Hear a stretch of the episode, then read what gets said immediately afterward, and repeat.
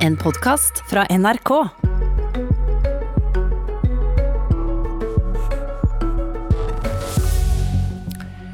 Høyre lager ny politikk for neste stortingsvalgkamp. Men hva betyr det at adjektivet 'rettferdig' ikke lenger skal skildre innvandringspolitikken vår? Og hva betyr det for bilistene dersom bompenger blir erstatta av veiprising? Og Vi skal begynne med dette siste. God morgen, Henrik Asheim. God morgen, god morgen. Du er nestleder i Høyres programkomité. Det er da den komiteen i partiet som foreslår det nye partiprogrammet som en skal gå til valg på i stortingsvalget 2021. Og det blir endelig vedtatt av landsmøtet neste år. Det er ingen store omlegginger eller kutt i skatter eller avgifter i programforslaget, iallfall ikke tallfesta, men det en vil kunne merke mest på avgiftsområdet om dette blir politikk, det er vel omlegginga fra bompenger til veiprising. Kan du forklare hva dere egentlig foreslår? Ja, jeg tror vi skal begynne med å forklare hvorfor vi har et problem vi må løse. Og Det ene er naturligvis det bompengeopprøret vi så. Vi ser at en del mennesker nå bor på, den ene eller andre siden av en bomring og betaler veldig store summer av det. Det andre er jo at Stortinget, alle partiene på Stortinget har sagt at innen 2025 så skal alle nye biler som selges i Norge være nullutslippsbiler. Og noe av det Vi gjør, altså vi veipriser jo i dag, men vi gjør det i bensinen. Vi sier at du har da en veibruksavgift som du betaler når du fyller bilen din. Når den forsvinner, fordi stadig flere biler ikke fyller bensin, så må vi finne en annen måte hvor også bilene, også elbilene, som ikke slipper ut CO2, men de sliter på veiene, de kan havne i ulykker, de er avhengig av at de bygger ut veinettet de òg, er med på å betale bruk av vei, og er med på å vedlikeholde de veiene vi har. Mm, men vi veipriser også i dag med bompenger, og dette forslaget skal erstatte bompenger også, da?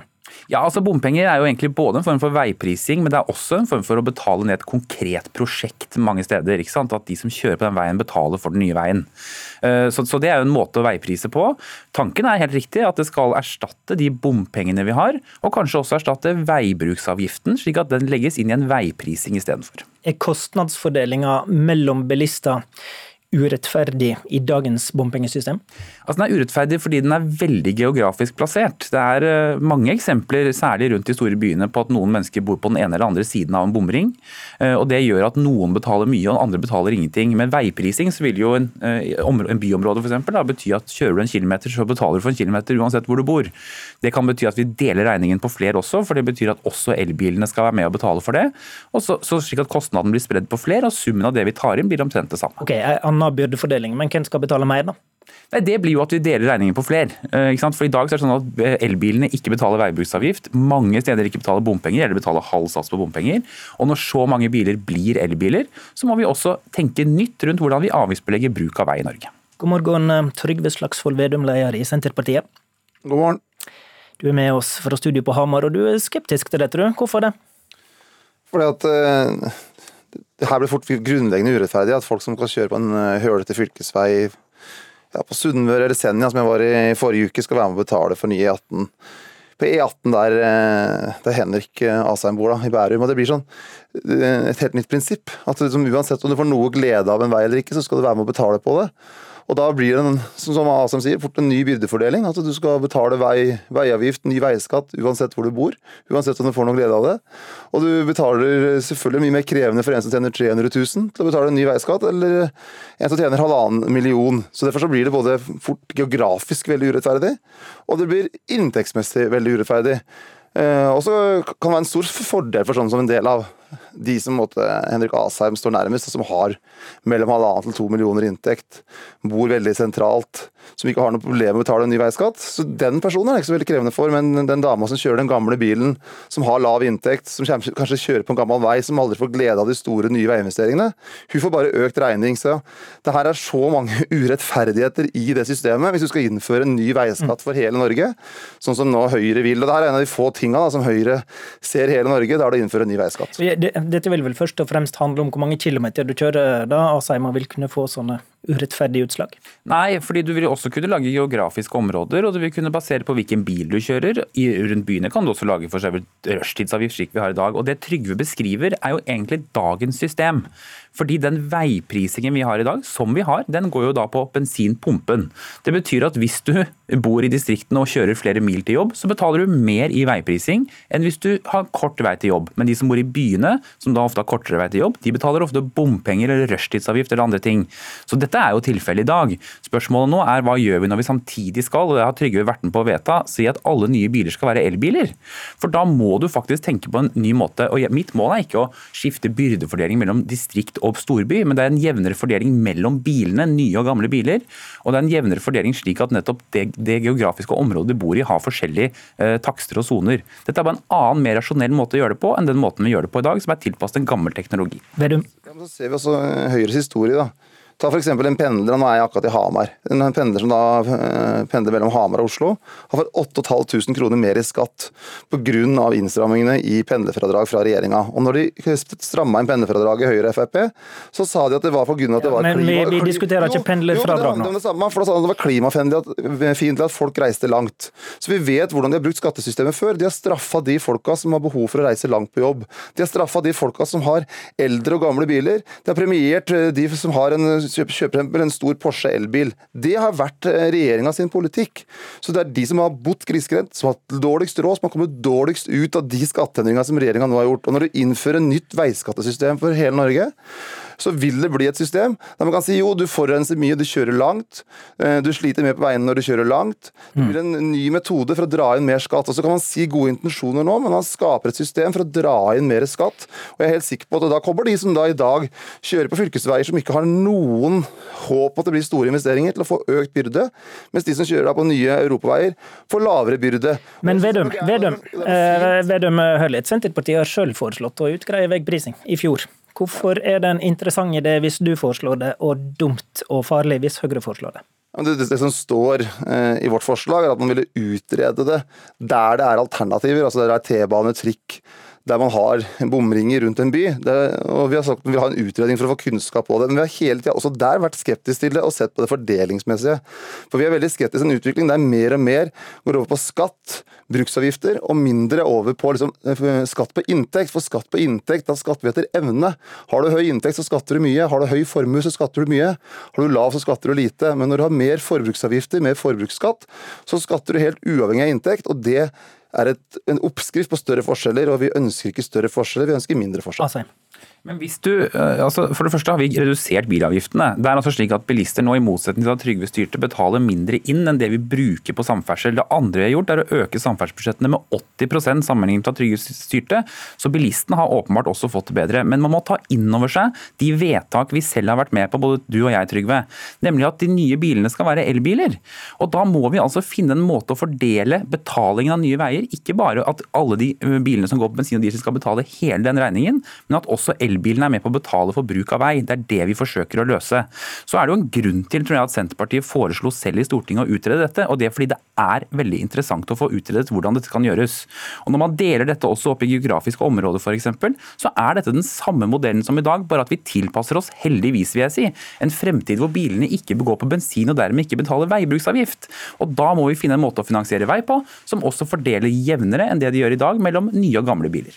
Vedum Transportøkonomisk institutt har eh, vist til at eh, bompenger kan gi vilkårlige utslag, mens veiprising kan gi enorme fordeler, og gjerne kan skrues til sånn at distriktene kommer godt ut av det. Men du vil heller bevare dagens bompengeordning, da? Jeg mener at vi må gå gjennom dagens bompengeordning òg, for det gir en del rare utslag. Og bompengeprisene mange plasser må ned, fordi at det rammer så mye hardere de som har lav inntekt enn de som har høy inntekt. Og så er jo dagens regjering mye mer med det som kalles bom på sidevei, som skaper veldig mye uro. Men det som var den gammeldagse bompengetenkningen, at man hadde bom over en bru, man betalte den ned, så tok bort bommen, det er jo egentlig en ganske fin modell, for da var det en klassisk spleisemodell. Men det som er problemet nå, er at man bruker bom til å finansiere flere og flere ting og da, da, blir det mer uro. Men hvis man skal innføre bom over hele landet, og så ser ikke folk gleden av det i hele tatt, så blir det i hvert fall bråk og uro. Og det er det som er problemet nå, at de store samferdselsinvesteringene da vil gå én plass, og så skal man innføre avgiftene alle plasser. Og jeg tror det okay. er oppskrift for mer usikkerhet, mer uro og mer bråk. Vi skifter tema. Og går videre til forslagene om innvandring i Høyres eh, altså fra Høyres programkomité. I dag sier Høyres partiprogram at vi skal ha en streng, rettferdig og forutsigbar asylpolitikk. Forslaget fra din komité, Asheim, er streng, forutsigbar og bærekraftig innvandringspolitikk. Hvorfor skal den ikke være rettferdig lenger? Nei, Det er eh, ikke noe større signal egentlig at vi mener at en streng, forutsigbar og bærekraftig innvandringspolitikk også er den mest rettferdige innvandringspolitikken. Sånn at vi har eh, bare, Det får liksom være grenser for hvor mange ord vi skal bruke for å beskrive det. Det ligger ikke noe mer signal i det. Vi mener at Bærekraftig er et viktigere og riktigere ord enn rettferdig? Da. Ja, fordi bærekraftig sier noe om nettopp at det skal være bærekraftig også for Norge over tid. Eh, rettferdig kan vi alle diskutere hva er. Vi mener at mm. dette er den mest rettferdige innvandringspolitikken, men derfor har vi valgt å beskrive det på denne måten. Så jeg lurte på det. Bærekraftig for hvem da? Da sier du for Norge, ja. ikke for verden eller for folk på flukt. Vel, altså jeg mener at De tiltakene vi har, og det at vi også sier at den skal være forutsigbar, er også det mest rettferdige for verden. Det at vi hjelper mer i nærområdene også, mer rettferdig for verden. Men når det gjelder bærekraften i dette, så handler det også om det norske samfunnet.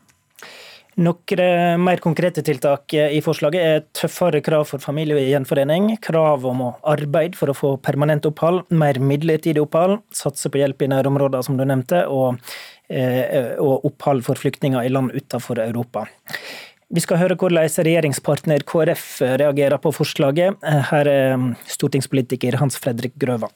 I en verden som eh, har flere flyktninger og folk som eh, reiser ifra veldig krevende situasjoner i sine hjemland enn noen gang tidligere. Da må vi ha en raus politikk som viser nestekjærlighet og solidaritet med de som har det verst i verden.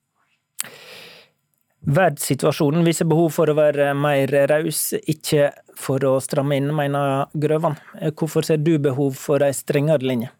Nei, Det er også fordi vi samtidig kommer med tiltak som gjør at vi kan hjelpe flere. Det er uh, ca. 70 millioner mennesker på flukt. Og den systemet, hvis, hvis, den eneste testen på om vi da er, uh, hjelper de menneskene er hvor mange vi tar inn i Norge, så er det et veldig dårlig bruk av penger. og også, Vi klarer ikke å hjelpe alle de menneskene på den men, måten. Men dere må jo ha en analyse om at det er behov for mer restriktiv eh, politikk på hvor mange vi slipper inn i Norge? Ja, ja, og det er fordi over tid så er det klart at hvis vi skal klare å integrere de som kommer til Norge, så må det også være slik at vi bosetter dem jevnt over hele landet. At vi har ressursene til å integrere. Og Norge er et land som også har høyt lønnsnivå, høy kompetanse. Det er vanskelig å bli integrert i Norge. og Derfor er det grenser hvor mange vi kan ta inn hit. Men det er ditt Men, utgangspunkt er Norge, åpenbart, mens, mens Grøvan her eh, ser mer på verdenssituasjonen som sådan? Nei, for dette er ikke en sparepost for Høyre. Det vi sier er at vi samtidig skal bruke mer ressurser i tredjeland. bruke mer mer ressurser i nærområdene. Tredje land, det må du forklare. Ja, Det er da ikke det landet du har flyktet fra, men et annet land i området som er trygt, og som vi kan da sikre flyktninger i på en bedre måte enn i dag. For faktum er at når det er så mange mennesker på flukt, så må vi selvfølgelig, og vi sier også vi skal ta imot kvoteflyktninger til Norge, men vi må først og fremst sørge for hvordan vi kan hjelpe flest mulig for de pengene vi bruker. Trygve Slagsvold Vedum fortsatt med oss. Hvordan leser du verden? Er du mest enig med Henrik Asheim eller med KrFs Grøvan?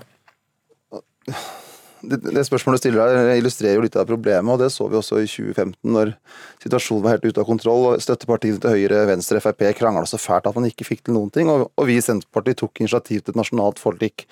Og det, for, og det ble heldigvis sånn, da, et nasjonalt forlik. Og det er det som tjener oss bra når vi har stabilitet, forutsigbarhet.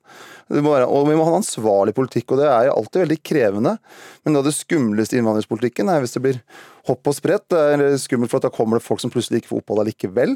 Eh, og det gjør integreringa vanskeligere. Så det som okay, du ser ikke behovet for store endringer da, er det du sier? Nei, jeg gjør ikke det, for jeg mener at det er bra at vi har forsiktige endringer i innvandringspolitikken. Betyr det at du ikke er enig i at det er behov for store innstramminger heller, da? Vi må ha en ganske streng innvandringspolitikk til Norge. Og så må vi ha den solidariske tradisjonen som vi har. At vi hjelper, hjelper folk, at vi har et uh, ordentlig bistandsbudsjett. Og noe av det som er mest bekymringsfullt det siste året, er jo når UNHCR sier at f.eks. i leirene rundt Syria så mangler de 1,8 milliarder dollar til å gjøre en ordentlig jobb. Så Derfor har vi i Senterpartiet prioritert det høyere i våre alternative budsjett. Vi har hatt litt færre kvoteflyktninger, hatt mye mer penger til flyktninger i nærområdene. Og Det hadde hjulpet flere folk. Men vi har ikke prøvd å lage noe politisk spill ut av det. Eh, for vi har vært opptatt av å ha en ansvarlig, anstendig og skikkelig politikk, samtidig som Norge hjelper til kraftfullt for å hjelpe flest mulig mennesker i nød. Og Det viktigste vi har gjort, er å eh, bidra til at vi fikk et nasjonalt forlik i 2015 som skapte trygghet og kontroll. Og det er det vi må ha. Kontroll og trygghet. F.eks. også på arbeidsinnvandringa, som i dag er ukontrollert. Altså. Altså, her var det veldig mye på en gang. Altså, for det første så mener jeg at Når vi som partier skal gå til valg for en ny fireårsperiode, så må vi også si hvor vi ønsker at politikken skal gå. Og Her har vi trukket opp en lang rekke forslag til løsninger som Senterpartiet bare avviser med at vi skal ikke diskutere dette, vi skal bare holde stø kurs. Jeg tror det er veldig veldig viktig å også diskutere hele tiden de utfordringene vi ser fremover. Og Det fine med den perioden vi er i nå, det er at det er ikke bare Høyre som legger som sine programmer, det gjør også Senterpartiet og alle andre partier. Og Du kan ikke bare sitte og være politisk kommentator, du må også være politiker, Trygve. Og da må du foreslå egne løsninger, ikke bare kritisere alle. Takk til Henrik Asheim, takk til Vedum. I studio var Håvard Grønli.